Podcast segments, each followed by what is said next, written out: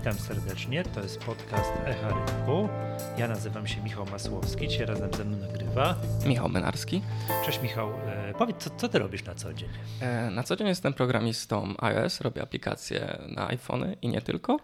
E, no i hobbystycznie, ale też e, inwestorsko interesuję się kryptowalutami.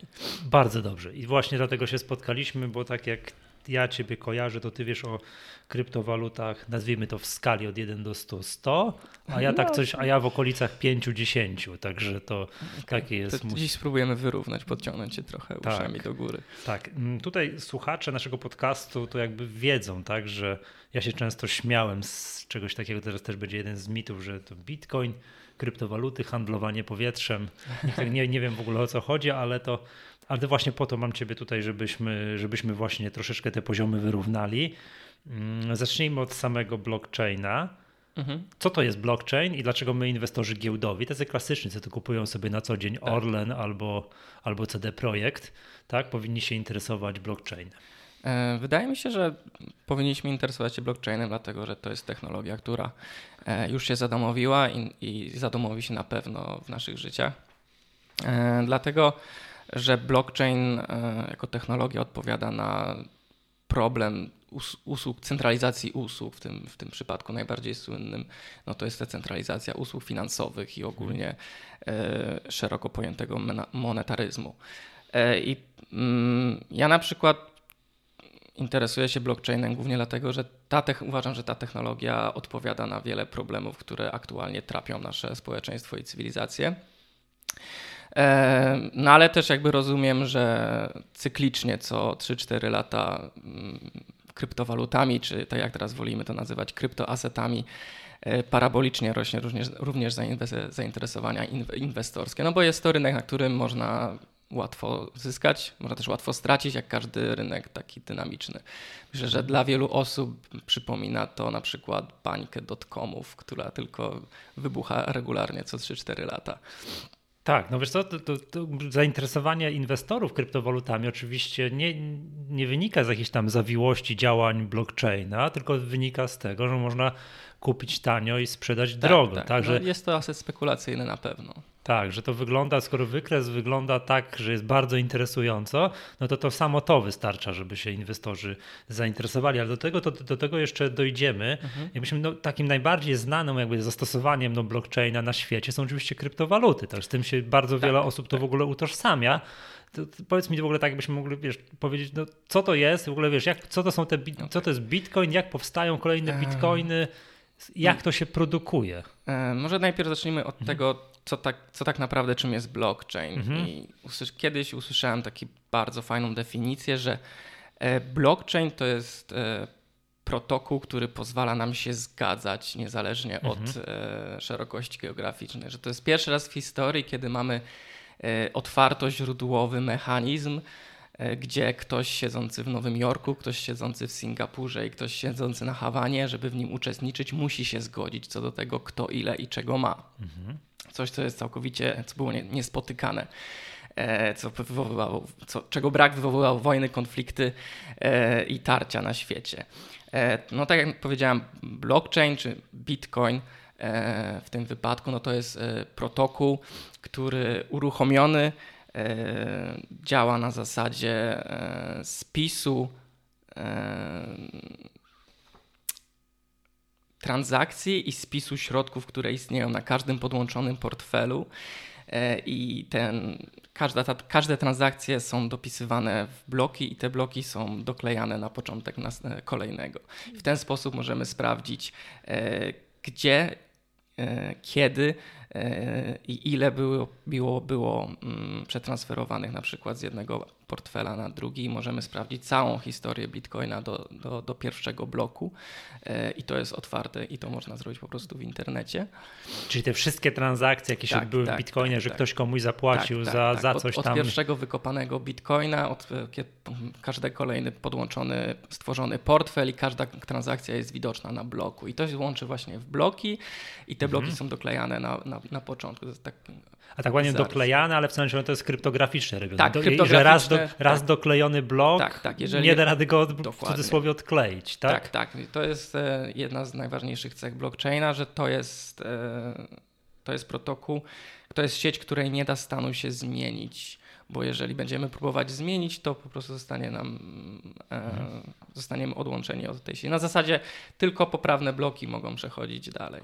Mhm. Czyli na tych wszystkich komputerach, które to utrzymują na całym świecie, musi być zgoda co do tego. To samo. Tak. W jakiej, jak, jak, jak Chciałem się... użyć słowa z grubsza, ale się powstrzymałem. Nie, to nie musi, może być z grubsza, nie, musi być musi dokładnie. Być to musi, musi tak. być dokładnie wszystkie, to wszystkie samo. aktualne uczestniczące węzły w sieci muszą się zgodzić co do tego, jaki jest stan sieci i po mhm. każdym doklejonym bloku one muszą być zgodne. Mhm. Ale dobra, to jakbyśmy, zobacz, popatrz, tak patrz na to z tego punktu widzenia, że już dojdziemy do tego, że będziemy sobie handlowali tymi bitcoinami, rozliczali się za e, kilogram marchewki kupowanej mhm. w sklepie. Mhm i to wszystko będzie musiało być odnotowywane za pomocą tych bloków, tak jak powiedziałeś, doklejanych na całym świecie, to się tego strasznie dużo będzie robiło. Tak, to prawda, ale też trzeba patrzeć na to w ten sposób, że mm, to, że jak idziesz do sklepu i płacisz mhm. za jabłka, to zazwyczaj mhm. płacisz wizą.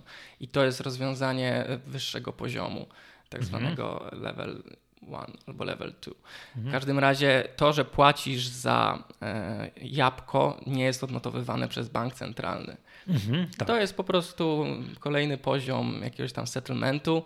E, w tym wypadku opiekuje się nim na przykład Visa i tam Visa się potem rozlicza z bankiem i te, od tego bank centralny umywa ręce. W przypadku Bitcoina każda taka transakcja przychodzi coś podobnego do banku centralnego, no bo Bitcoin to jest final settlement layer, czyli jakby warstwa ostatecznego, ostatecznej zgody co do środków. Więc e, rynek krypto oczekuje tego i są projekty nadbudówki takiej właśnie na, na istniejące blockchainy, które będą rozwiązywały problem i to będzie podobne do wizy. Kilograma jabłek. Tak, na, na przykład targu, jest tak? protokół Lightning, który działa na tworzeniu dużym uproszczeniu tunelu między Twoim portfelem, na którym będzie zablokowana jakaś wartość, a na przykład mhm. właśnie portfelem merchanta, tak żeby e, nie każda ta transakcja była wrzucana od razu na blok. Mhm. E, no i poza tym Bitcoin sam w sobie też bardziej teraz, szczególnie przy tej cenie, lubi pełnić rolę store of value, czyli bardziej takiego cyfrowego złota. A to będę cię jeszcze pytał, bo tak jak tak, się umówiliśmy kilka tysięcy tak, lat tak, temu, że tak. złoto jest nośnikiem wartości, tak, to dla mnie jest lekkim szokiem, że właśnie jako ludzkość próbujemy teraz umówić się, że to jest nośnik wartości, że bitcoin jest. Za sekundkę jeszcze do tego Jasne. dojdziemy. Dobra, jak jak powstają kolejne bitcoiny. Mówi się o czymś takim, że na świecie są kopalnie kryptowalut, że kiedyś to każdy mógł sobie na własnym komputerku kopać te kryptowaluty, a teraz to jest nieopłacalne z różnych przyczyn. Co, jak powstają kolejne bitcoiny i jak e, działają tak te jak kopalnie mówi, kryptowalut? Tak, tak jak mówiłem, e, każde, każdy blok doklejany do, do sieci e, musi być potwierdzony przez sieć i tylko jeden kopacz może taki blok dokleić. I żeby go dokleić, musi jak najszybciej rozwiązać dosyć ciężki program algorytmiczny mhm. i w momencie jak on go dokleja, on ogłasza całej sieci, rozwiązałem ten problem. E, moja kartka jakby ląduje teraz na górze, przyklepujemy ją kryptografią, nie, jakby cała sieć zaczyna pracować na kolejnym blokiem mhm. transakcji. I praca, którą musi wykonać, jest nagradzana kolejnym, kolejnymi bitcoinami. Mhm. No jest ustalona nagroda, aktualnie to jest chyba 6,25 bitcoina. Więc e, generalnie kopanie bitcoinów w dużym uproszczeniu polega na e, pracowaniu na rzecz sieci, wykonywaniu pracy na, na, na, na, rzecz sieci tak, żeby ona pozostała bezpieczna e, i żeby po prostu kolejne transakcje mogły być do, dorzucane. I same bitcoiny są generowane jako nagroda aktualnie za pracę na rzecz sieci. Mhm. A to jest, a kto dostaje tego konkretnego bitcoina? Czy to jest e, tam no, nieskończenie podzielne i tego bitcoina każdy, za, każdy za, za doklejony blok dostaje, dostaje kopacz, którego sprzęt został użyty do wykopania tego bloku i tam są podpięte po prostu portfele. Mhm. Ale dobrze, ale chodzi mi o to, jakby tych, ile, może tak zapytam, ile takich bitcoinów powstaje, nie wiem, na godzinę, na dobę? Ojej, to nie, to trzeba zobaczyć. Chodzi mi o to, czy to wiesz, dostaję losowych, czy ja mogę jako taki kopacz kopać, co, co? kopać, kopać i nie być na samym końcu wynagradzany, wynagrodzony tak, tym bitcoinem, bo będę miał pecha, bo nie na mnie tak, przypadło, tak, bo. Tak, Może tak być. Dlatego, żeby uczestniczyć w, w kopaniu bitcoinu, trzeba mieć odpowiednio duże resursy, trzeba mieć odpowiednio duże no w tym wypadku to już powinny być e, specjalistyczne jakby takie mikroserwery. No są takie urządzenia jak na przykład Antminer, które mhm. służą tylko do kopania bitcoinów, bo one są oparte o tak zwane z kolei ASICi, które są e, specjalnym kawałkiem krzemu, tak, procesora, który jest hardware'owo przystosowany do tego, żeby wykonywać te transakcje i rozwiązywać tą zagadkę. Mhm. I dzięki temu są dużo wydajniejsze przy dużo mniejszym poborze energii niż zwykłe zwykły komputer. Okay, a z czego wynika to, że nie wiem, ile, ile lat temu w ogóle rozpoczęto? 11. 11, że powiedzmy te 10 mhm. lat temu, tak. to ja mogłem sobie na domowym komputerku te bitcoiny kopać, a dzisiaj to już jest niemożliwe. Ponieważ im więcej osób uczestniczy w, mhm. w kopaniu bitcoinów, więcej osób uczestniczy w mhm. zabezpieczaniu sieci, tym jej trudność rośnie i trudność jest e, dostosowywana przez algorytm co dwa tygodnie. Znaczy, jeżeli bardzo dużo mocy obliczeniowej do, dołożymy do sieci, no to ta zagadka kryptograficzna do rozwiązania staje się odpowiednio trudniejsza, mhm. E, żeby wyrównać ten, żeby wyrównać ten problem. Żeby Czyli generalnie jest po prostu, po prostu moc komputerów jest takich tak, domowych tak. jest, jest, niewystarczająca. Jest niewystarczająca. Tak? Nie? To, okay. to, już, to już jest zabawa dla dużych chłopców. Tak, tak, Bez, bez przesadyzmu, że mówić, że potrzeba przynajmniej kilku milionów dolarów, żeby uruchomić kopalnię, która ma sens. Jak wygląda taka kopalnia? To jest, nie wiem, co, budynek i tam jest serwery stoją, czy jak to? To rzadziej, dlatego że tam, gdzie się buduje budynki i żeby stały serwery, to, to jest duży koszt, który jest niepotrzebny. Właśnie śmieszne w przypadku, znaczy śmieszne i ciekawe w przypadku e, kopania bitcoinów, e, czy w ogóle uczestnictwie w mhm. kryptowalutach, bo to nie tylko bitcoinów dotyczy jest to, że to może być kontener postawiony przy na przykład yy, kopalni mhm. gazu, gdzie się wydostaje metan i ten metan można przechwycić i zamieniać w energię. To dosłownie może być kontener, w którym wstawisz w rakach kilkanaście, mhm. kilkanaście urządzeń podłączysz do neta po LTE, po routerze i on sobie będzie kopał. To może być nawet... przy tej kopalni metanu dlaczego? Bo żeby się e, energię nie marnowała. Tak, tak. No, tak? Jednym, z, jednym z problemów e, przy, przy kopaniu, e, przy wydobywaniu gazu ziemnego czy, czy, czy ropy jest to, że masz ulotny metan, który można przechwycić i zamienić na energię. Mhm. Swego czasu na Islandii powstawało dużo kopalni, bo tam bardzo duża nadwyżka z energii geotermalnej jest i w dodatku mhm. masz darmowe chłodzenie. A, bo chłodno. No bo chłodno. Mhm. Na, nawet czytałem to chyba w, akurat w książce Bentyna, że przy tamtym klimacie nawet specjalnie trzeba było budynku stawiać, tylko taką wiatę osłaniającą odpowiednio szeroko od deszczu i tam wiatr hulał przez te kopalnie i prąd i net. Bo de facto, do, że nie potrzebujesz nawet potężnego połączenia z internetem, bo to nie, są, to nie jest duży ciąg informacji, który jest wymieniany. To są paczki, które potrzebujesz okay. dostać i wysłać. Dobrze. Jak już taki kopacz mhm. wykopie kolejnego mhm. bitcoina, to jak się go przechowuje? Co to w ogóle Na jest ten jeden bitcoin? Tak. To jest, co to jest ciąg zer i jedynek, plik TXT? Mm. Jak to wygląda? Tak, ogólnie mm, błędna koncepcja jest to, że to jest wiem, plik, tekst, plik tekstowy. Jeden bitcoin to tak jak mówiliśmy, mamy ten swój stos mm -hmm. transakcji i ten stos transakcji opisuje na jakim portfelu jest ile. Mm -hmm. Więc de facto to, co ty masz mając bitcoiny na portfelu, to masz możliwość wykonania transakcji z portfela co do którego sieć się zgadza, że na nim istnieje jakiś, okay. jakiś bitcoin. Nie?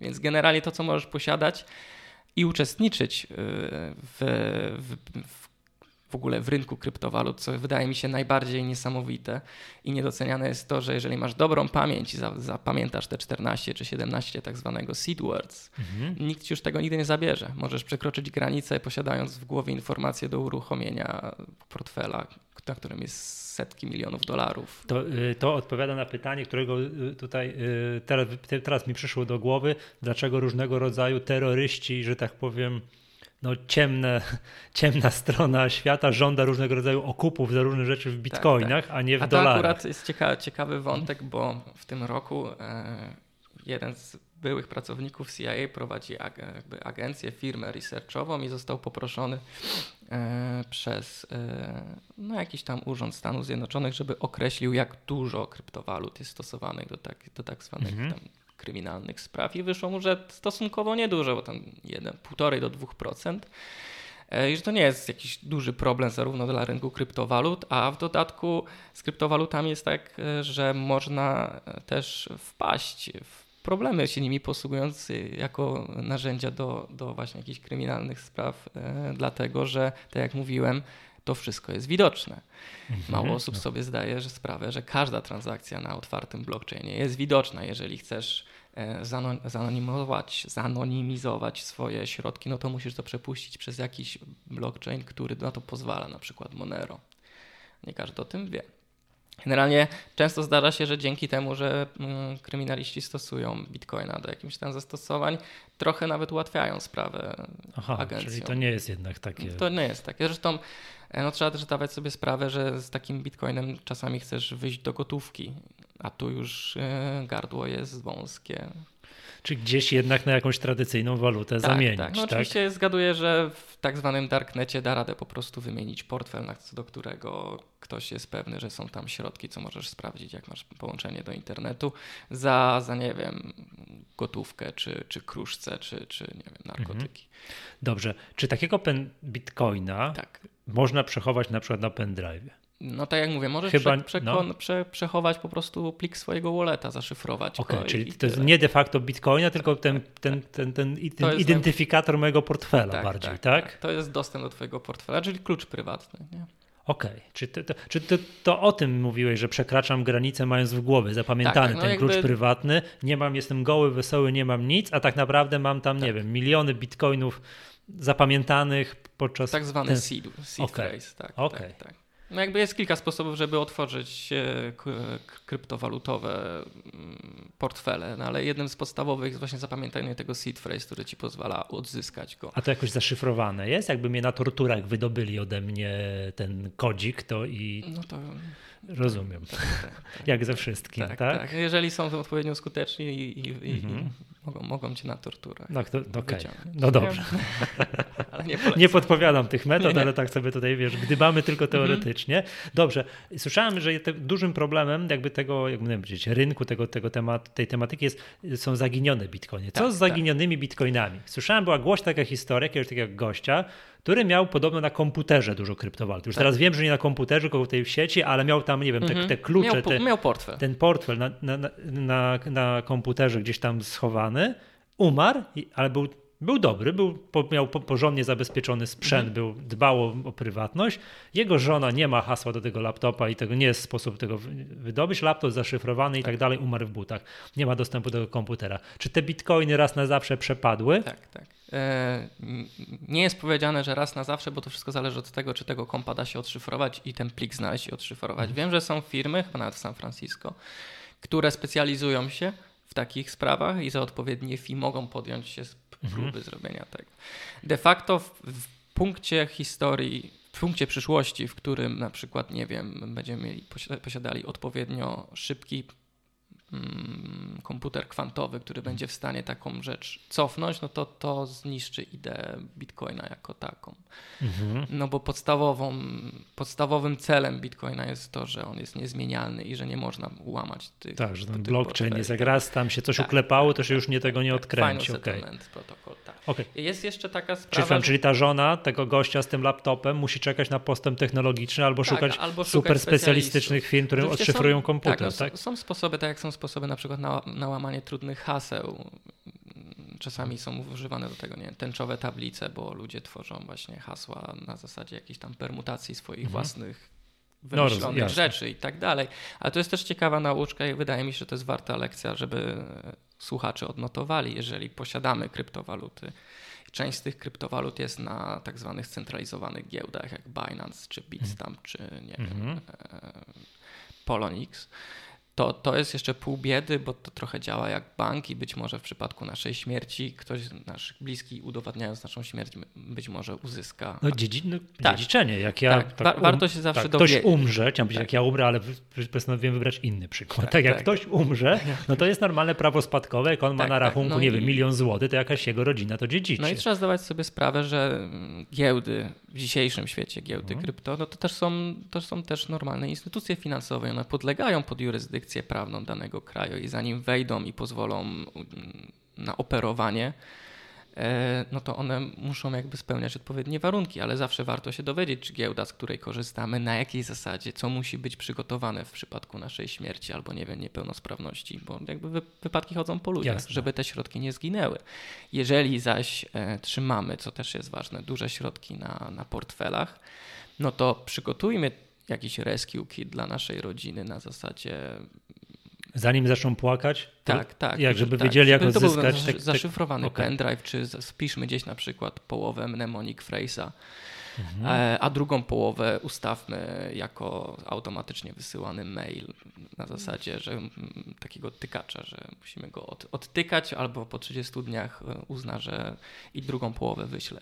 Takiego Jasne. mnemonic phrase'a to nie wiem, mamy taty. Trochę jak... Y, trochę jak y, ze zwykłym systemem bankowym, bo też w Polsce, żeby tak już po czyjejś śmierci, skoro dotykamy takich tematów, odzyskać jakieś pieniądze po, po kimś, to zanim prawo spadkowe się uprawomocni, zanim to wszystko będzie i te pieniądze zyskamy, to jest bardzo długo, długa droga i czasami warto tej swojej połówce powiedzieć, że słuchaj, w razie czego to tak, to jest tak. metoda na zrób szybko przelew, a potem dopiero płacz. Tak, tak, tak. No warto naprawdę, bo tak jak mówię, no tutaj już nikt nie pomoże. Mhm, tak. Jeżeli przepadnie ten portfel, na którym leżą, nie wiem, dziesiątki, setki tysięcy dolarów, no to on już przepadnie. Mhm. Ale patrzysz, jak użyłeś takiego sformułowania, to złapie cię za słówko. Mhm. Dziesiątki, setki tysięcy dolarów, a nie, a nie bitcoinów. Także jeszcze, tak, wiesz, tak, jeszcze tak. jest takie mamy myślenie tak, no, jeszcze w, w, starej walucie. Tak, nie? No, też poza tym no, trzeba powiedzieć sobie wprost, rzadko kto już posiada takie ilości jak dziesiątki, tyś, dziesiątki tysięcy bitcoinów. Mhm. Dobrze. Takie będę tutaj losowe pytania zadawał, mhm. które e, jakby kojarzą mi się z tą, tą całą tematyką. Co to jest halving i jak to mhm. wpływa na cenę bitcoina? Halving to jest taki bardzo mądry mechanizm, który został wymyślony i on jest częścią właśnie algorytmu.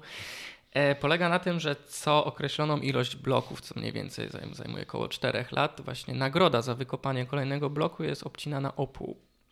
Mhm. Że coraz e, no, trudniej. Tak, zaczynało się od tak? 50, potem było 25, potem 12,5 i teraz jest 6,25. Ja już w swoim, w swoim e, swojej e, jakby karierze w krypto, tak, widziałem drugi halving e, i zawsze jest takie pytanie, czy to nie spowoduje, że sieć się stanie bardziej niestabilna. No bo mhm. halving powoduje, że bardzo dużo bardzo duża część kopaczy staje się nie, nieprofitowa. Dlatego, Nierentowna. Że, tak, że prąd jest droższy prąd, niż, nagroda, tak. niż nagroda, ewentualna tak, nagroda, jest, że wykopania kolejnego tak, bitcoina. Jak popatrzysz na to z tej strony, okay. to to jest bardzo też pro prorozwojowe, dlatego że ludzie korzystający z drogiego prądu, z drogiego sprzętu, starego sprzętu niewydajnego, mhm. no są po prostu usuwani z rynku i to jest prorozwojowe, żeby powstawały coraz szybszy sprzęt i żeby mm, kopacze migrowali w stronę jak najtańszego prądu. Mhm. Okej, okay, żeby stawiali na tej Islandii. Tak, no tak, wbrew, tak no, na Islandii czy pod tamami w Chinach, gdzie prąd jest praktycznie za darmo. A nie do gniazdka się wtykali tak, tak, tak, tak po tak. prostu. No i tak. korzystali też z wydajnych urządzeń, żeby faktycznie ten e, terahasze per, per e, mhm. watt pociągnięty prądu, żeby było ich jak najwięcej. Okej, okay, dobrze. No dobra, ale to już mniej więcej wiem, jak to powstaje i tak dalej. Zacznijmy od fund zadam fundamentalne pytanie. Mhm. Po co nam ten cały bitcoin? Przecież mamy na świecie euro, dolary, tak, tak, tak. No te właśnie główne to, waluty. To, to, to, nie wystarczy? To musimy do, dorobić sobie jeszcze coś, co teraz, jak sam użyłeś tego sformułowania, będziemy będę to drążył, to że store of value, że próbujemy teraz jako ludzkość umówić się, że to jest jakimś nośnikiem wartości. Tak, no to jest takie pytanie, e, ja, ja bardzo je lubię, bo ono jest e, trochę, trochę zahacza o jakąś ideologię, trochę zahacza o, o geopolitykę. Mhm. Tak jak powiedziałem na początku, jedno z moich ulubionych określeń dotyczące bitcoina, czy ogólnie kryptowalut, że to jest sposób, żeby się dogadać i żeby, jeżeli chcesz w nim uczestniczyć, to musisz się dogadać. I on jest jakby apolityczny, ageograficzny. Jedyne, co potrzebujesz de facto, to dostęp do internetu i smartfon albo laptop. I przede wszystkim nikt nad nim nie czuwa. Wszyscy wiedzą, już każdy może podejrzeć, jak wygląda kod protokołu Bitcoina, i nie masz centralnej encji, która by dyktowała w jakim tempie on będzie na przykład tworzony. Wiesz, wiemy, że w pewnym momencie kopanie bitcoinów się skończy. Ale tam w 2100 którymś, tak, tak? tak no to są... To nie są nasze problemy, Nie, nie tak? to nie jest prawdopodobnie nie za mhm. naszego życia. I pod tym względem e, wydaje mi się, że to jest nam potrzebne, dlatego że zabrnęliśmy też w historii do momentu, w którym pieniądz e, stał się również bronią, waluta stała się bronią, stała się powodem do, do wywoływania wojen, do kładzenia czyichś gospodarek na, na kolana, dość powiedzieć, a przecież ataki walutowe to nie jest jakaś nowość. Mhm. Stany Zjednoczone się tak broniły też przez, przez rozkwitem, przed rozkwitem Japonii. E, I po kryzysie w 2008 roku e, wyszła idea tak, od Satoshi'ego Nakamoto, żeby stworzyć pieniądz peer-to-peer elektroniczny, ale on miał takie podłoże libertariańsko w oporze do aktualnego systemu bez finansowego. banku centralnego. Tak, bez banku centralnego, ponieważ no, nie da się ukryć, że wiele problemów współczesnego monetaryzmu i, finan- i fiskalizmu jest upatrywane w tym, że niby mamy jakiś tam wolny, wolny, rynek, ale jednak ten wolny rynek bardzo jest odczu- w tym wolnym rynku bardzo odczuwamy tę centralną encję banku centralnego. Mhm. I było takie ogólne przeświadczenie po 2008 roku, tak ruch Occupy Wall Street, że ta encja, która miała stać na straży tego, żeby takie rzeczy się nie działy, doprowadziła między innymi swoimi działa działaniami do tego, że takie rzeczy, jakie wtedy się wydarzyły, że ten system się prawie wywrócił, że próbowaliśmy zasypać go e, odpowiednią ilością pieniędzy, bailoutując te najbardziej niewydolne, e, niewydolne instytucje. My to w Polsce wyjątkowo łagodnie przeszliśmy. Tak, no, My trochę nie widzieliśmy. Tam tak, w tak, Stanach chyba, Zjednoczonych sto kilkadziesiąt banków upadło. Tak, no Lehman Brothers mhm. stało się tak. No to była katas katastrof, katastrofalne mhm. dla gospodarki zachwianie i tak naprawdę my po dziś dzień odczuwamy skutki e, nawet w Polsce, bo nasza gospodarka jest silnie powiązana z gospodarką europejską. E, odczuwamy skutki, dlatego że system fiskalny e, nie nie umie sobie poradzić bez wiecznego pompowania do niego płynności przez banki centralne i może na co dzień nie widzimy tego tak bardzo w sklepie, chociaż ostatnio inflacja nas gryzie, ale widzimy to przez, no sam wiesz jakie są wyceny na, na zdaku, sam wiesz tak. kosztują mieszkania, te, te pieniądze gdzieś płyną, te pieniądze gdzieś uciekają. E, I już wracając do samego Bitcoina, czy innych kryptowalut, no to jest próba przeniesienia bardzo dużej części systemu, nie tylko finansowego, ale już również coraz, coraz bardziej, e, coraz większej ilości innych zastosowań e, do technokratycznego świata, który jest e, bardziej zdemokratyzowany gdzie faktycznie osoby, które uczestniczą w tej sieci, jakby mają wpływ na to, w jaki sposób ona się rozwija.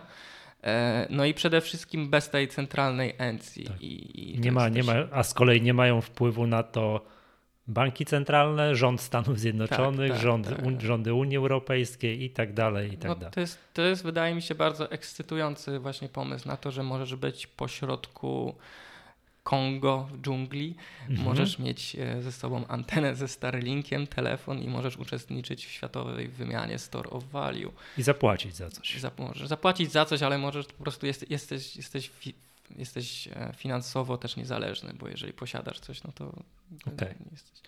No, tak sobie myślę, tak patrzę, obserwując od jakiegoś czasu, że jakimś takim przełomem w popularyzacji, że nie, właśnie ty wiesz, że może ten cud wydarzyć. Wszystkie banki centralne mhm. upadną i nagle się okaże, że mamy jedną wspólną walutę na świecie, na przykład przy tego, tego weźmy, weźmy tego bitcoina mhm.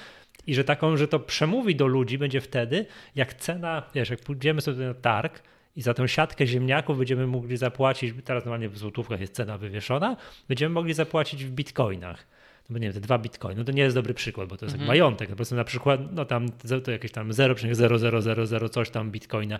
Kiedy to według ciebie masz szansę być realne? Ja kojarzę, że jest coś takiego, że takie transak takiej transakcji dochodziło. Przecież jest słynny day, nie czekaj, pizza, day, pizza day, tak, że tak. gdzieś ileś tam 10 lat temu.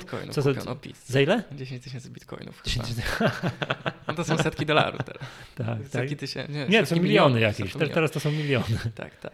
E, wydaje kiedy, mi się, kiedy to będzie? Wydaje mi się, że no, nie sądzę, żeby doszło do momentu, w którym będzie jedna kryptowaluta i ona mhm. będzie taka rozliczeniowa. Wydaje mi się, że idziemy w kierunku świata, w którym po prostu kryptowaluty czy kryptoasety stają się technologiami, które będą miały wiele, wiele, jakby wiele, wiele różnych kryptowalut będzie stosowanych często nawet do tego samego, e, do takiej samej czynności i... No tak jak dzisiaj mamy euro, dolary, funty. Tak, tak trochę tak.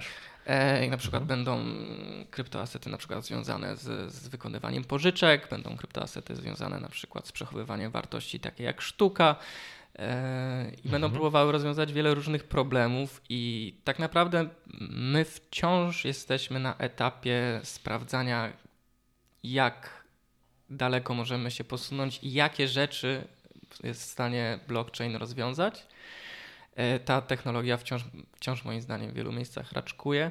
E, I przełomem będzie to, jak e, blockchainy zaczną się ze sobą komunikować na zasadzie. Mhm. I to już widać teraz, że powstają, znaczy powstają, że działają projekty, które są tak zwanymi multi-chainami. To są, nazywamy to blockchainami nowej generacji. One polegają na tym, że masz jeden blockchain, który, jeden protokół, który działa jak taki relay chain i on, e, do niego się wpinają kolejne protokoły, które muszą być z nim zgodne i mogą wymieniać dane między sobą. I teraz pozwolę sobie puścić wodze fantazji, jakby odchodząc od płacenia ziemniaka, ale jeden z najbardziej dla mnie ekscytujących sposobów e, zobrazowania tego, jaka, jaka rewolucja czai się za rogiem, jest to, że na przykład chcesz, masz mieszkanie, masz je i chciałbyś je spłacone i chciałbyś pod nie wziąć kredyt, żeby kupić coś innego, pod hipotekę. Mhm no to jakby proces teraz wygląda dosyć upierdliwie. No, musisz iść do działu ksiąg wieczystych, potem przyjść z panem z banku, on musi fotografować, musisz mieć wycenę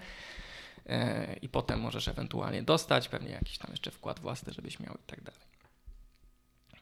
A teraz wyobraźmy sobie, że istnieje blockchain, który ma spisane wszystkie nasze księgi wieczyste Mhm. No, w formie bloków. No jest, jest, to, jest to wykonalne, jest to możliwe. Nie w sądzie, nie gdzieś tam, tak, tylko. No, tak, tak. Że jeżeli, jeżeli przekazujesz komuś daną nieruchomość, no to jakby osoba, która ją posiada, prawo do tej informacji, że ta nieruchomość tego, tego typu pod tym i mhm. tym na przykład adresem geograficznym, no to musi swoim kluczem prywatnym podpisać transakcję do innej osoby z jej kluczem prywatnym i wtedy to przechodzi. Na Już przykład. wszystko? No, załóżmy w dużym uproszczeniu, ale generalnie załóżmy sobie, że księgi wieczyste zamiast bycie w scentralizowanym KRS-ie są w zdecentralizowanej sieci, że mhm. każdy może sobie to podejrzeć i to nic nie kosztuje. I, i, i, tak. I teraz sobie wyobraźmy, że mamy też usługi bankowe, które są zdecentralizowane kompletnie. Mhm. E, no i ty wchodzisz na taką usługę bankową, logujesz się swoim kluczem prywatnym i portfelem, wchodzisz w zakładkę mm, zdecentralizowana sieć ksiąg wieczystych, wchodzisz tam. Tam również e, logujesz się tym samym e, kluczem prywatnym i ono pokazuje, że no tutaj pan posiada taką i taką usługę. No i pod spodem masz przycisk wyceń albo weź pożyczkę i dostaje, dostaje ci udzielona pożyczka i to jest zakontraktowane, że dopóki. I bank na przykład ma teraz prawo do zamrożenia e, własności twojej, e, twojej nieruchomości, a udostępnić na przykład kilkaset tysięcy w jakimś asecie, nazwijmy to bank złotówki, mhm. żeby nie wymieniać nazwy banku. No, powiem tak, to jest to, to o czym mówiłeś. I to wszystko to za, 5 minut. Tak, zastosowanie blockchaina do tego typu rzeczy, żeby to nie było w jakichś właśnie, wiesz, KRS-ach gdzieś tam i tak dalej, tego typu, nazwijmy to, starodawnych metodach przechowywania dokumentów, to wydaje się fajne. Pójść, możemy puścić mhm. wodze wyobraźni, możemy na przykład mieć zdecentralizowany system informacji o ubezpieczeniach, który jest wpięty w inny decentralizowany system e, Twoich e, informacji medycznych, które tylko Ty możesz podejrzeć, mhm. bo on może być anonimowy, bo tylko Ty masz klucz prywatny, który otwiera te informacje i możesz go używać wraz wymiennie z Twoim ubezpieczeniem, żeby na bieżąco wiedział, jakie są, jaki jest Twój stan zdrowia. Albo z Twoim prawem jazdy, żeby wiedzieć, jak często uderzasz kogoś na, na, na, na ulicy samochodem. To nie wiem, czy jestem zainteresowany. Chociaż nie, to i tak jest, tak? To i tak policja takie rzeczy przechowuje, ale tak, rozumiem, że można byłoby to przechowywać tak bardziej właśnie w formie zdecentralizowanej, tak, niezmiennej, w miarę od, znaczy odpornej na, na, na, na kradzieże, na przejęcia. Mhm. Dobrze, wiesz co? Okej, okay, ale wróćmy do tego przykładu, kiedy będę mógł pójść i mhm. kupić tę siatkę ziemniaków za bitcoiny. Wiesz co, wydaje mi się, że w momencie, w którym ta technologia dojrzeje do tego, żeby przeprowadzać y, bardzo dużo transakcji niskim kosztem, ale mhm. wątpię, żeby to była jedna waluta. Tak okay, jak teraz możesz okay, na okay. przykład, są miejsca, w których możesz zapłacić kryptowalutą i tam masz na przykład zapłacić bitcoinem, zapłacić ethereum, zapłacić litecoinem. Rzadko jest wybrana jedna kryptowaluta. Rozumiem. I kiedy? No, życzyłbym sobie, że w ciągu najbliższej dekady no, wiemy już, że Visa już prowadzi, prowadzi pracę nad wpięciem części transakcji albo uruchomieniem algorytmu transakcji na tak zwanym stablecoinie, czyli na Ethereum. Wiemy, że PayPal już pozwala kupować i przesyłać kryptowaluty. Ten pociąg jest już rozpędzony dosyć mocno. Mhm. Dobrze, zanim tu przejdę, to, to bardzo ważne pytanie. Mhm. Jeden z takich najczęstszych mitów powtarzanych mhm. przez sceptyków kryptowalut, no w tym przeze mnie, mhm. jest taki, i który właśnie to dotyczy przede wszystkim bitcoina, że to pożera strasznie dużo tak. energii. Wiesz, że planeta nam się gotuje, efekt cieplarniany, a tu podobno sieć bitcoina pobiera więcej energii niż niektóre państwa. To się wymienia, że jest Słowacja, tak, czy tam tak, tak. Słowenia i tak dalej. Może by to tak wyłączyć w ramach bycia bardziej ekologicznym, wiesz. E, to pytanie Każe się wyłączać fabryki, które e, wiesz, węgiel spalają, a, a, a palimy jako ludzkość tyle prądu. To pytanie ma bardzo wiele poziomów. Myślę, że na pewno nie jest to mit. Zasada działania Bitcoina wymaga od tego, żeby on zużywał dużo energii, no i faktycznie ten problem pojawia się średnio co 3 lata, czyli jak cena Bitcoina zaczyna być paraboliczna, no to tak. jest takie bitcoinowe bingo, że jakiś duży kraj banuje e, Bitcoina, no w tym roku były to już Indie, mhm. zresztą nie pierwszy raz, e, że, że, właśnie pożera dużo energii. Jakby nie, nie, nie wypada mi jako osobie, która siedzi w kryptowalutach bagatelizować tego problemu ale z drugiej strony też nie wiem, czy faktycznie mam na tyle szczerości, żeby nazwać to problemem, ponieważ każda rewolucja wymaga zużycia prądu. Cokolwiek robimy dzisiaj, wymaga używania prądu. E, I nie do końca zawsze rozumiem, dlaczego akurat Bitcoina, a nie Netflixa, albo Twitcha, albo, albo nie wiem, PlayStation tak. Network. Albo tak. Netflix też pożera. Naprawdę... Podobno, podobno, Netflix zużywa więcej zasobów internetu niż YouTube, że więcej transferu danych no, przez Netflixa nie, nie jest pożeranych. Się, bo, no, także czy powinniśmy dążyć do tego, że przede wszystkim trzeba sobie odpowiedzieć na to pytanie, znaczy na, zdać sobie sprawę z tego, że Bitcoin jest tak zielony, jak zielona jest energia, która napędza mhm. kopalnie. E, I to jest z kolei jeden z mitów, że Bitcoin w większości jest napędzany e, paliwami kopalnymi, a to nie do końca jest prawda. Nie do końca to jest stała wartość w ciągu roku, bo to zależy o jakiej porze roku byśmy robili, robili pomiar, no to tak zwany penetracja e, źródeł odnawialnych jest różna. Na przykład w porze deszczowej, czyli podczas naszego lata, w porze deszczowej w Chinach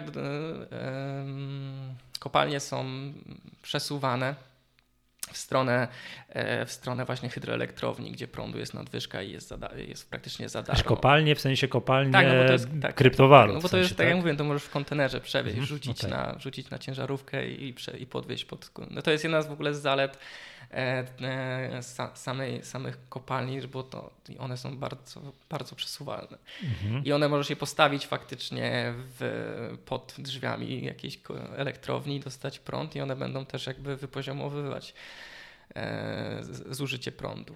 Mhm. Bo możesz je łatwo, łatwo je odciąć, ale możesz je też łatwo podłączyć, kiedy, kiedy prądu będzie nadwyżka w sieci. Ale dobra, czy jako ludzkość powinniśmy się stresować tym, że to pożera tyle prądu? E, ja nie sądzę, żebyśmy powinni się stresować tym, że to pożera tyle prądu, dlatego że Bitcoin próbuje odpowiedzieć na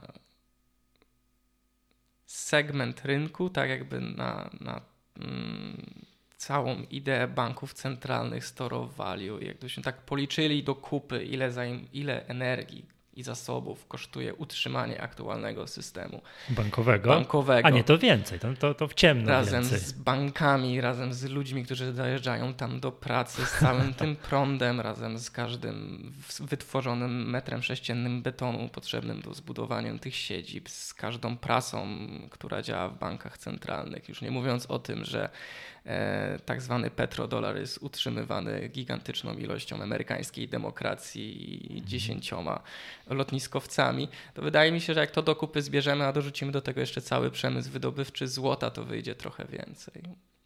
No tak, tak, tak. Utrzymanie tradycyjnego Bo faktycznie powiedzieć, że to... Bitcoin zużywa tyle energii co Chile, no to jest dużo, ale no powiedzmy w jakim kontekście. Mhm.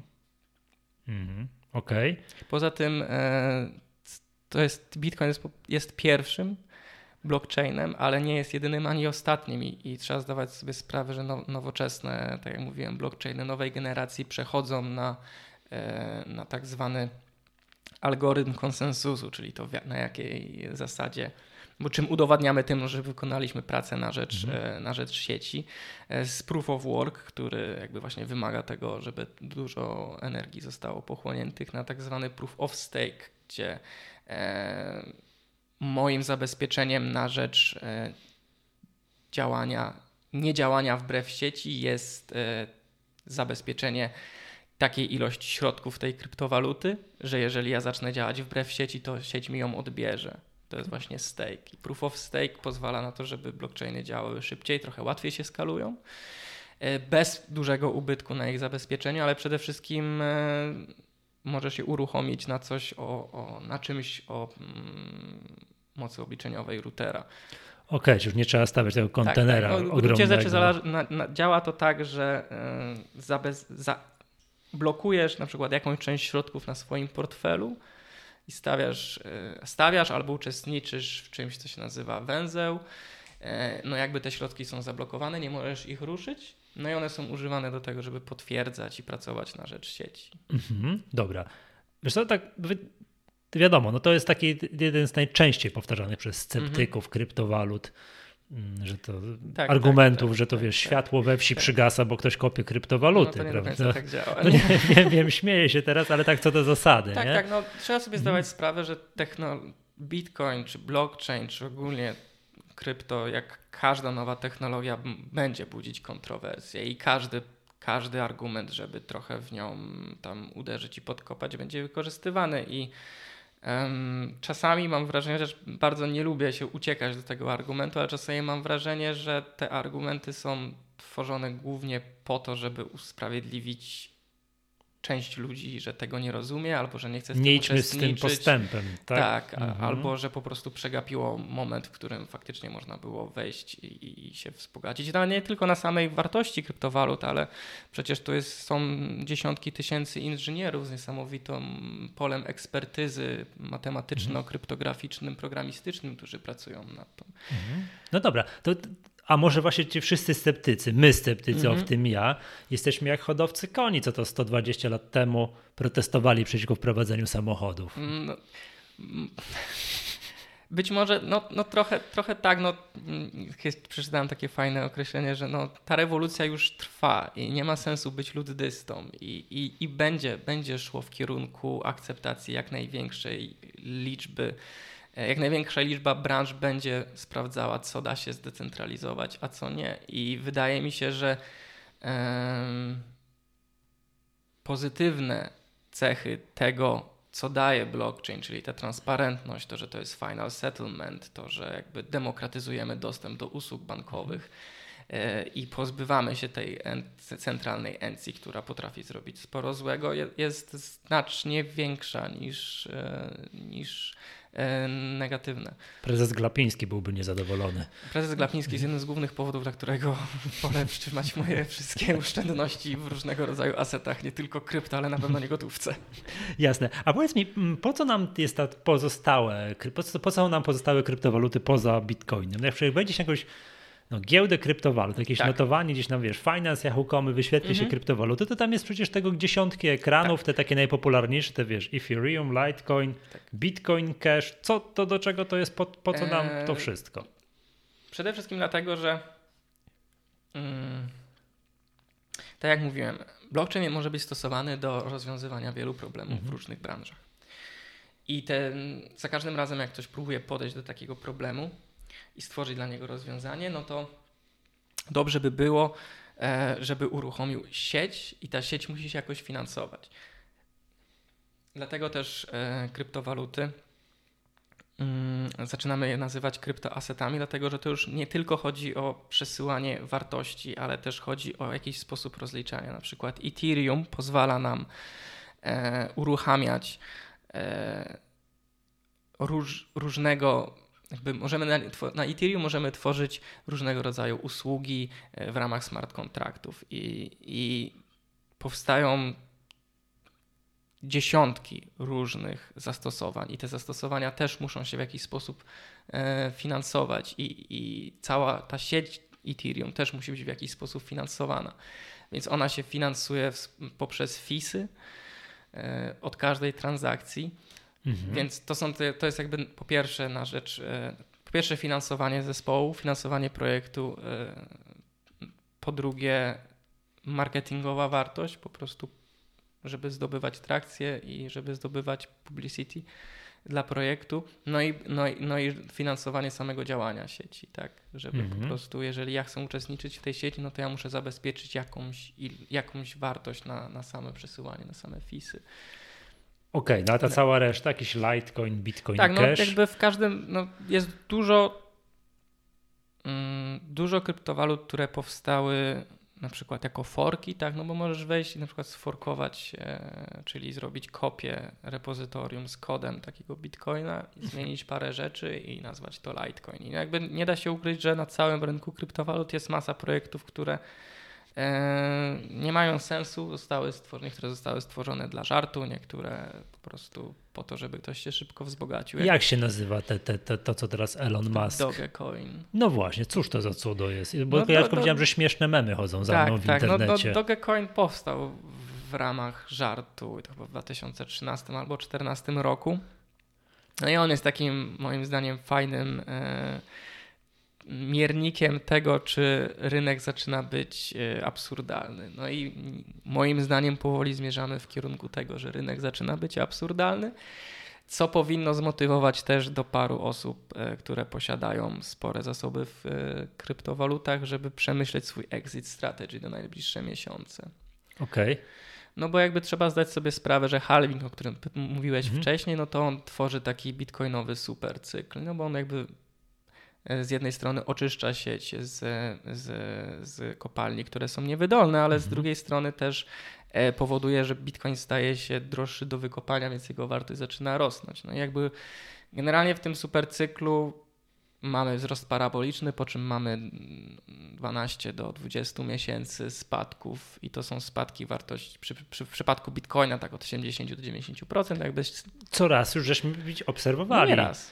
Prawda? Znaczy ja, ja obserwowałem raz tak już ale po tak prostu jest, wiem, ale częścią, patrzę tak z punktu takiego medialnego punktu widzenia, tak, takiego tak, telewizyjnego, tak, że to przebiło się... 17 tak, Tak, że było Bitcoin po 20 tak. tysięcy dolarów, potem spadł do chyba nie pamiętam 4-5. 3-600 chyba minimalnie. Tak i wszyscy. Porównywali, już były takie wiesz, rysunki, jakie były najsłynniejsze ban, bańki takie mhm. w historii świata i porównywano, że, że Bitcoin był większą bańką niż bańka tulipanowa gdzieś tak, tam tak, setki lat temu w mhm. Holandii, po czym okazało się, że to było wielkie nic w porównaniu z tym, tak, co się tak, teraz tak, dzieje. Tak. Jak rozumiem, ta, e, ten cały mechanizm tego halvingu spowoduje, że będziemy takie coś przeżywać raz na, raz na kilka I, lat. Istnieje taka szansa, no to to zależy tak naprawdę, jak duża akceptacja Bitcoina będzie, bo im, bardziej on jest popularny, tym te wahania, mm, te wahania mm, w trakcie cyklu są coraz mniejsze, są coraz bardziej spokojne. Okay. Ja wiem, że to brzmi, przepraszam, wiem, że to brzmi e, śmiesznie, jeżeli mówimy o sytuacji, w której Bitcoin w ciągu roku robi X6 albo X7. Mhm. No ale to jest. Jak, no, takie jak, przeloty to są ulubione zabawki spekulantów jak, giełdowych. Tak, tak jak wiesz, ktoś chce mhm. zobaczyć, jak potrafił Bitcoin szaleć, to polecam zobaczyć, co się działo w pierwszych pięciu latach jego działania. No to, to takie X6 to już jest takie. Jakby.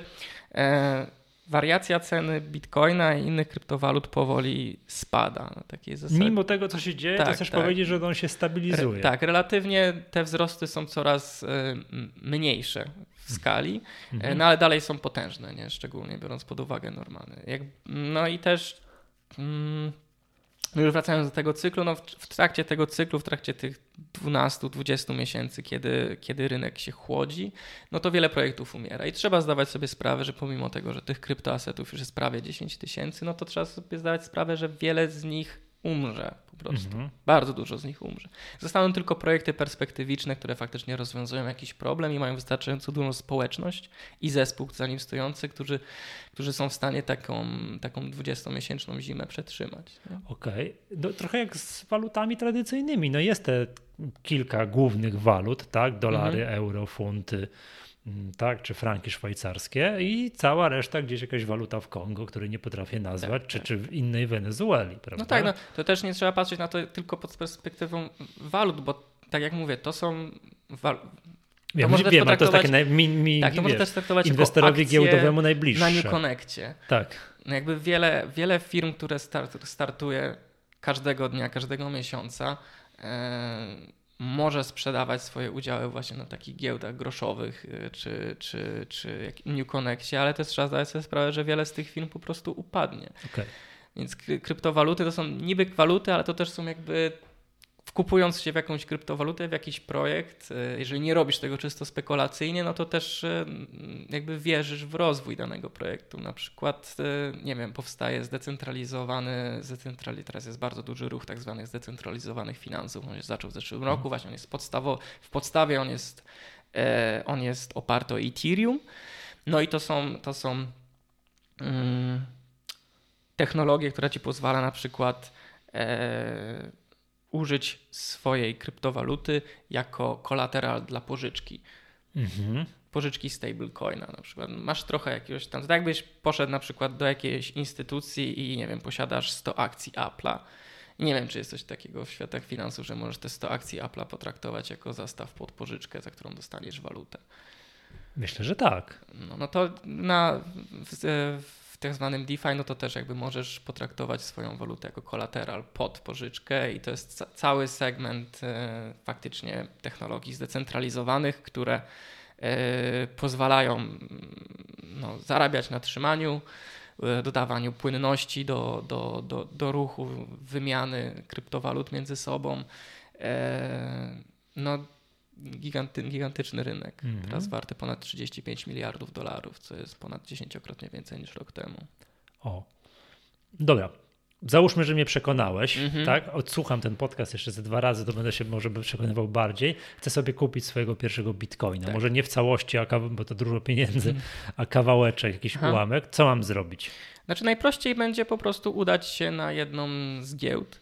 Um, Najlepiej taką, która ma jakąś renomę i już kilka lat działa. O, właśnie, bardzo dobrze powiedziałeś, bo przecież tyle się słyszy o włamaniach na jakieś giełdy kryptowalut i no, gdzieś tam ktoś tak, no, kradnie. No, no, regularnie raz na, raz na rok. Nie, no jakby jest jedno, jedno mhm. najsłynniejsze włamanie, które spowodowało zresztą gigantyczny spadek bitcoina, to, to tak zwany MTGOX, ale to już było dawno mhm. temu.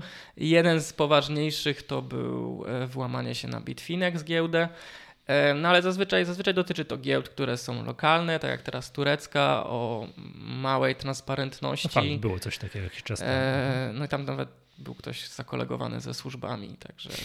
No, generalnie... Ale są jakieś takie światowe giełdy? Że... Tak, są światowe giełdy. A mógłbyś wymienić kilka nazw, mm, tak jasne. żeby mi się skojarzyło? Wydaje mi się, że w Europie bardzo popularną giełdą jest Bitstamp. I to jest chyba zresztą jedna z najstarszych, jak nie najstarsza giełda, która akceptuje euro. E, również funty i dolary. No jest chińska giełda Binance, no to jest chyba największy moloch. No jest Kraken, amerykańska giełda, jest Coinbase, czyli... To Coinbase tak, niedawno zadebiutował. IPO, na, tak, w sumie nie chyba IPO, na, tylko direct listing. Tak, chyba na Nasdaqu, prawda? Tak, chyba tak, gdzieś tak, normalnie już można, jest notowany. Tak, no to to są takie powiedziałbym największe i, i najdłużej, najdłużej działające, najbardziej znane giełdy. Okej, okay, czyli tam zakładam konto. Tak. No jak już założymy konto i na przykład przelejemy gotówkę mm, w euro czy jeszcze w, w tradycyjnej tak, walucie, tak, tak, tak? tak. E, no to możemy zakupić takiego bitcoina i ja osobiście polecam wycofać to po prostu do portfela, nie? przećwiczyć sobie. To. Wycofał je do portfela i który przechowuje gdzie? No, szyfrowanym pendrive. Aha. Czy to tak właśnie giną, te, te, to takie to jest tak, problem tak, tak, tak. No to jest, zaginionych, no, no, zaginionych tak, kryptowalut, że ktoś tego pendrive'a weźmie i mhm. posieje podczas no, przeprowadzki. Możemy trzymać na kompie, możemy taki plik zaszyfrować, możemy właśnie, ja polecam zrobić kilka kopii takiego pendrive'a i rozwieźć je do różnych miejsc, na przykład, nie wiem, do domu rodziców, jeden mieć u siebie, a jeden mieć, nie wiem, w, sejfie w, sejfie w pracy, tak jakby któryś z nich zginął, to żeby zawsze mieć, móc odzyskać przynajmniej jednego. To jeden z, jeden z Można sobie na przykład kupić e, dedykowany ledger, e, czyli takie urządzenie też wpinane na, na USB, które posiada, na którym można instalować portfel kryptowaluty, która Cię interesuje i on na przykład, nie wiem, ma biometrykę czy jak jest, że super bezpieczny pendrive, ale zobacz, jak jest, ja to mogę skopiować tego, tego mojego bitcoina na trzy pendrive. Nie, to możesz skopiować Klucz prywatny. Klucz prywatny, przepraszam. Nie tak, Bitcoin, tak. tylko klucz prywatny. Aha, racja, racja, racja, racja, faktycznie. Bo, tak, tak. Bo to, to, będzie cały czas ten sam portfel. Nie? Tylko chodzi o to, żeby nie, stawi- nie zostawiać wszystkich swoich krypto w jednym miejscu. Ale wiem, wiem, wiem, to jest, mam, te, że na, mhm. ten, mam ten, ten klucz prywatny tego mójego portfela, to bardziej chodzi o to, że nie, że te bitcoiny mogą mi zginąć, zniknąć, bo to jest bo to niemożliwe, nie. tylko chodzi o to, żebym ja czasem nie posiał tego... Tak, tej, tej, żebyś ty fizycznie nie zapomniał ten, te, tego tak, klucza. Tak, to o to tak, chodzi tak, tutaj tak, tak naprawdę. Tak. A widzisz.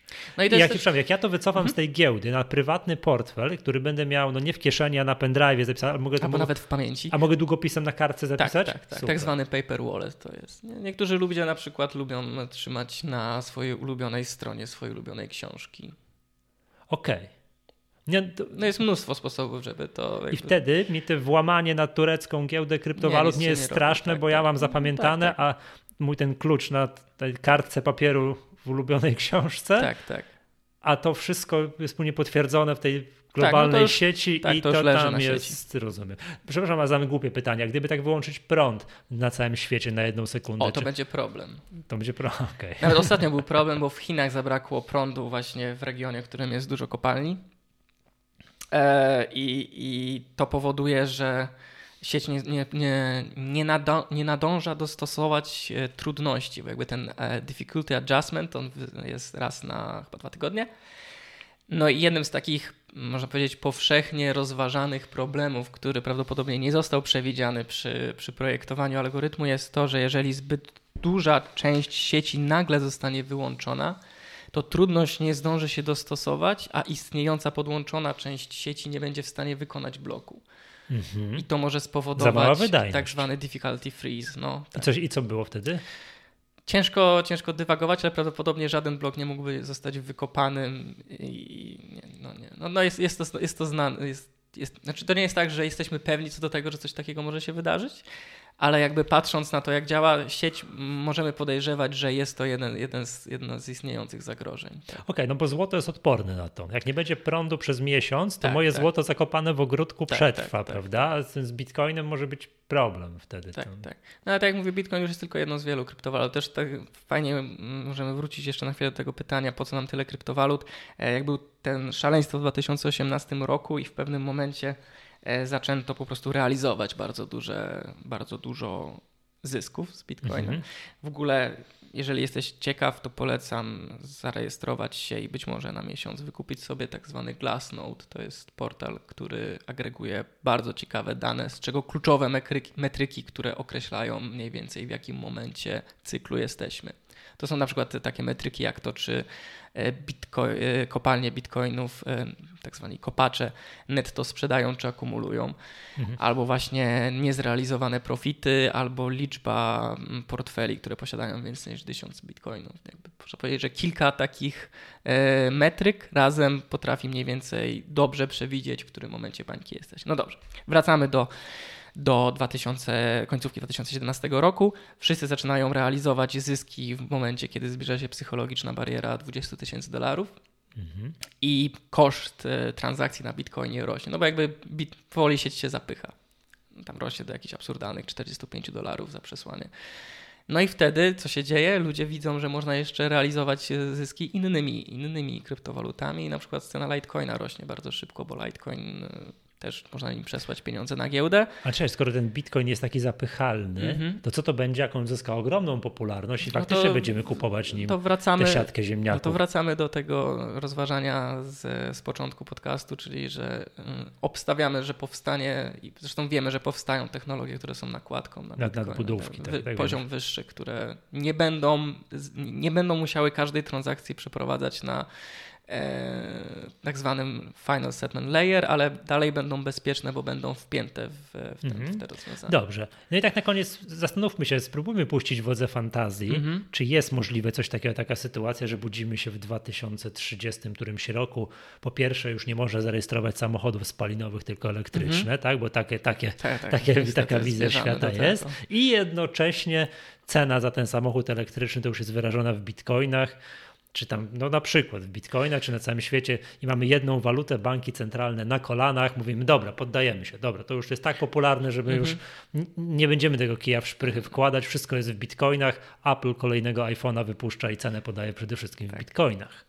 No to mam dwie wersje odpowiedzi. Taką, mhm. którą sobie bym życzył i taką, którą niestety jakby spodziewam się i ta druga jest bardziej dystopijna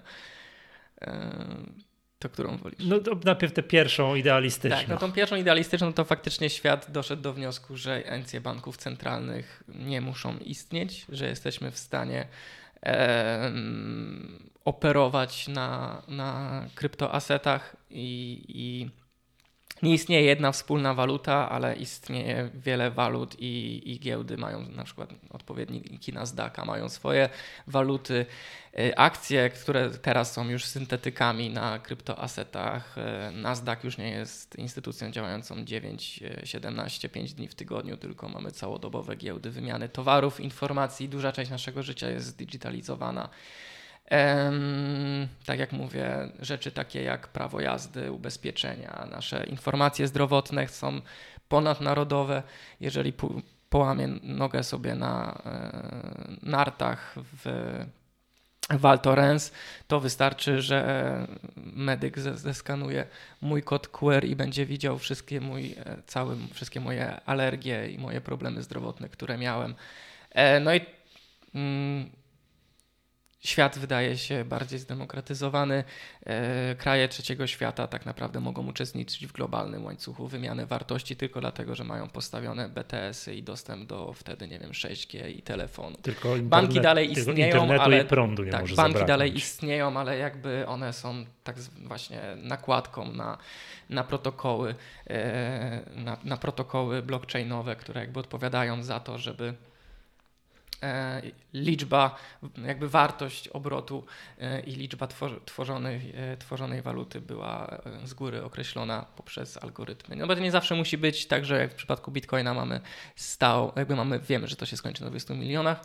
W 21 milionach możemy mieć po prostu też zaprogramowaną algorytmicznie inflację, tak jak jest w przypadku Ethereum, że to tak? Tak, tak. No tam nie ma górnego kapu, bo jakby to jest Ethereum, to jest jak E, gigantyczny, zdecentralizowany superkomputer i on zawsze będzie potrzebował trochę więcej, żeby działać. Nie, no, no nie, nie jest deflacyjny i to jakby nie przeszkadza mu być traktowany jako blockchain. Nie, to w przypadku Bitcoin, tak, to jest jedna z takich rzeczy, tak patrząc, wiesz, takiego giełdowego. Takie takiego, absolutne scarcity. Takie, e, ale nie wiesz, takiego punktu widzenia mojego takiego troszeczkę dziadka z mapetów, który siedzi na tym balkonie i tak patrzy, nic mu się nie podoba, to to, że jest ograniczona liczba tych bitcoinów, ona jest od razu zaprogramowana, że nawet w tym 2100 mhm. którymś roku będzie... Z czego poważny procent jest nie do odzyskania, jak zauważyłeś. Tak, bo gdzieś tam na tych zaginionych mhm. pendrive'ach, że go więcej nie będzie, że nie tak. ma banku centralnego, który go może w, raz, w razie czego dodrukować, to ja to postrzegam jako zaletę. Mhm. Gdybyśmy mieli tak, taką tak. walutę, której jednak no nie można dodrukować, bo nie, bo się nie da, tak? tak. No i jest też no, druga wizja, która moim zdaniem no jest właśnie. dużo bardziej prawdopodobna, czyli wizja, w której banki centralne nie mogą przestać istnieć, bo zbyt wielu osobom i zbyt wielu poważnym graczom na świecie one są po prostu na rękę.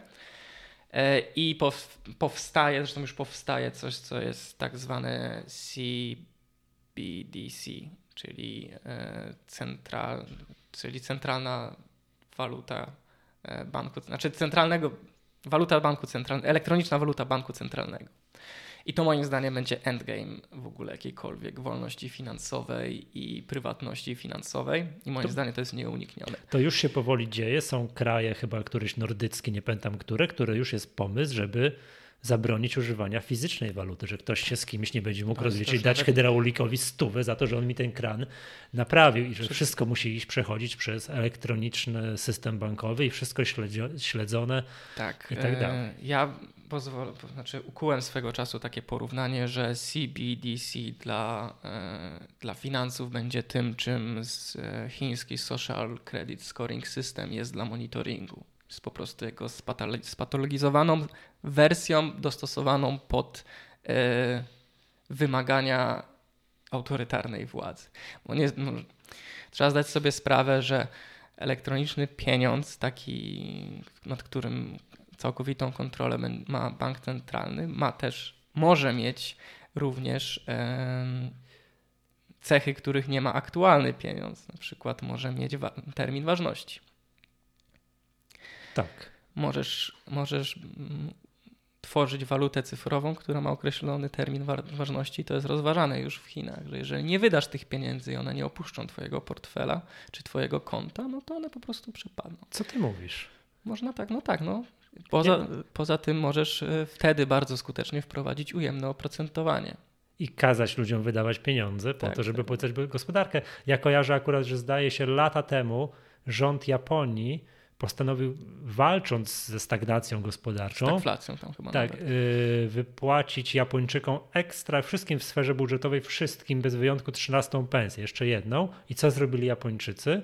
Wsadzili to na, na Tak, giełdę. 90, nie, nie, nie, nie, nie, nie, nie, to jest bardzo oszczędny naród. W 90 paru procentach zachowali na kontach bankowych jako dodatkowe Mm. oszczędności i nie pobudzili tym gospodarki tam nawet, wiesz, nawet nie popchnęli tego koła. No, Więc Chińczycy mają Nic. pomysł po prostu inny, jakby ustalić termin ważności taki. To będziesz musiał pójść i wydać i Tak, kupić ten No telewizor. wyobraźmy tak. sobie na przykład, nie wiem, świadczenia socjalne, które będą wypłacane z jakimś terminem ważności. Mało tego, możesz za pomocą właśnie smart kontraktów przywiązać Mhm. to, na co możesz wydać pieniądze. Albo nie możesz. Możesz też, no i oczywiście mówimy o absolutnej, permanentnej e, transparentności dla takiego banku centralnego, gdzie te pieniądze przepływają, więc nie ukryjesz już nic. Nie Mhm. ukryjesz ani asetów, które posiadasz, bo będzie widoczne kiedy i za ile je kupiłeś. Jeżeli posiadasz dom, to będziesz płacił od tego katastrat, który będzie ci automatycznie ściągany z konta, bo centralny bank będzie dobrze wiedział, co ty zaposiadasz za chatę i ile ona jest warta. E, każda transakcja będzie naliczany podatek na niej od każdej pensji na raz. I to jest moim zdaniem dużo bliższe przyszłości. Cytując klasyka, permanentna inwigilacja. Tak, tak. No moim zdaniem zmierz- zmierzamy w kierunku tego i, i, i jakby za każdym razem jak widzę wspomnienie o tak zwanym CBDC, to autentycznie uważam, boję się. Dobrze, to ja w ramach protestu przeciwko takiej wizji świata zaraz mi pokażesz, jak tylko skończymy Tak, nagrywać, tak. jak kupić sobie jednego bitcoina, może nie w całości, bo mnie nie stać, ale kawałeczek, Dobrze. tak? I wycofać na jakiś klucz prywatny i zaraz sobie na kartce zapiszę i w notesie. Tak. W notesie wezmę, ukryję, żeby mi żaden bank centralny się do tego, W do głowie, tego, w głowie. do, do, do, tego, do tego nie dobrał. Tak, tak. A w ramach hobby weekendowego nauczę się na pamięć. Tak. Dobrze. Dobrze, Michał, bardzo pięknie dziękuję. To powiem tak, no fajnie, fajnie tego było posłuchać, bo to mówię, może z takiego, wiesz, yy, kryptosceptyka zamienię się przynajmniej na kryptoneutralnego, że tak powiem, gościa takiego, wiesz, tak, tak mówimy, tylko skończymy, to ja zaraz pokażesz mi, gdzie, Mhm. gdzie to kliknąć w telefonie czy na komputerze, żebym mógł sobie, sobie mógł to zrobić. Dobrze. Michał, powiedz jeszcze, gdzie można Cię znaleźć w internecie, jakby ktoś chciał dopytać. Tak, no w internecie, no głównie na Twitterze. E, Mhm. To można podlinkujemy, ale Tak, powiedz podlink- teraz, pod- jakby tak? A po, No to jest M podłoga Mynarski. Mhm. E, generalnie. No jakby można pisać do mnie śmiało. Można też napisać do mnie na maila, no to zostawię maila pod, Dobrze. pod tym. Pod... No na Twitterze najpewniej. Tak? Najpewniej, No, najszybciej, no sam tak najszybciej, do bo tak, te, testowałem te, te, Tak, te, tak, te, ten tak. sposób komunikacji jakiś czas temu. Dobrze, dzięki serdeczne. To był podcast Echa Rynku. Ja nazywam się Michał Masłowski, się razem ze mną nagrywał. Michał Mynarski, dziękuję pięknie. Do usłyszenia następnym razem.